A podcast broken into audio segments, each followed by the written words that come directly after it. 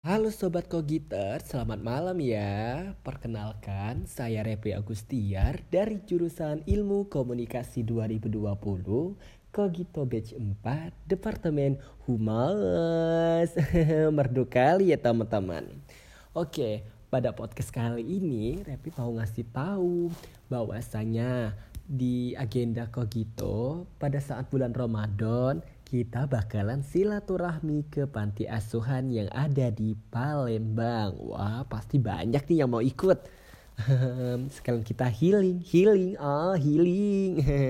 oh iya, di panti asuhan nanti kita bakal tarawih bareng, bagi takjil, pokoknya berbagi kebaikan.